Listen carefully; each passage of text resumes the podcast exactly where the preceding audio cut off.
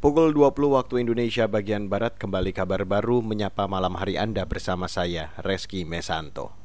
Saudara informasi pertama di kabar baru pukul 20 saya ajak Anda untuk mengupdate informasi seputar COVID-19. Satgas Penanganan COVID-19 melaporkan ada penambahan kasus konfirmasi positif COVID-19 yang tinggi beberapa hari terakhir. Terbaru pada Rabu 9 September 2020 dilaporkan ada penambahan 3.307 kasus baru sehingga total saat ini ada lebih dari 203.000 kasus. Dari penambahan tersebut DKI Jakarta dilaporkan menyumbang kasus terbanyak yakni 1.000 lebih kasus, disusul Jawa Timur dengan 370 kasus baru. Selain penambahan kasus, Satgas juga melaporkan penambahan pasien sembuh dari virus corona, yakni sebanyak lebih dari 2.200 orang, total ada lebih dari 145.000 orang sembuh. Penambahan juga terjadi pada korban meninggal, yaitu 106 orang pada hari ini, sehingga total menjadi 8.300 orang lebih. Kita beralih ke informasi selanjutnya, Majelis Hakim Pengadilan Tipikor Pekanbaru memfonis bebas legal manager PT Duta Palma Group Suheri Terta dalam perkara kasus alih fungsi hutan di Riau pada 2014. Terdakwa menerima putusan tersebut sementara jaksa KPK menyatakan pikir-pikir. Jubir KPK Ali Fikri menegaskan KPK yakin dengan alat bukti yang dimiliki. Selain itu, selama proses persidangan, tuduhan terhadap Suheri dianggap dapat dibuktikan dalam semua uraian perbuatan terdakwa. Terlebih di dalam putusan Mahkamah Agung atas nama terpidana Anas Makmun juga telah terbukti adanya penerimaan sejumlah uang antara lain e, dari PT Duta Palma. Kami masih menyatakan sikap pikir-pikir atas putusan tersebut dan selanjutnya akan mengambil sikap langkah hukum berikutnya setelah mempelajari salinan lengkap putusan majelis hakim. Dan oleh karena itu KPK berharap pengadilan segera mengirimkan salinan putusan tersebut.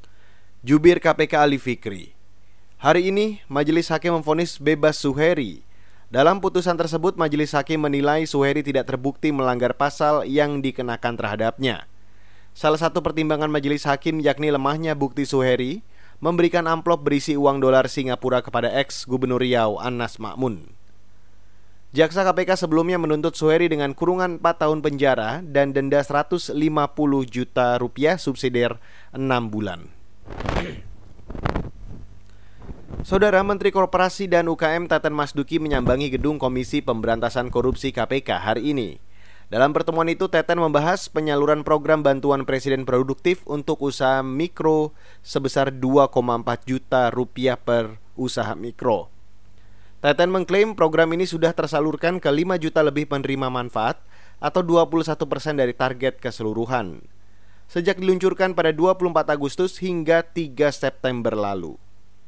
Sampai hari ini Alhamdulillah belum pernah ada informasi di mana penyalurannya salah sasaran. Misalnya jatuh kepada orang kaya, itu belum ada keluhan saat itu yang sering kami terima sebenarnya masih banyak orang yang menginginkan program ini. Pak karena memang jumlah UMKM itu ada 64 juta di Indonesia. Yang mikronya ada 63 uh, juta lebih. Jadi yang belum bankable uh, perkiraan kami di atas 20 juta.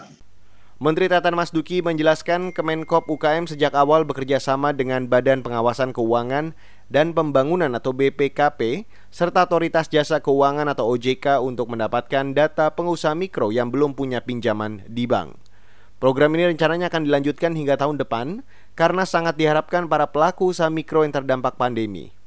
Pada tahap pertama, program ini menyasar 9,1 juta penerima dan akan diusulkan naik hingga 15 juta penerima. Demikian kabar baru KBR, saya Reski Mesanto.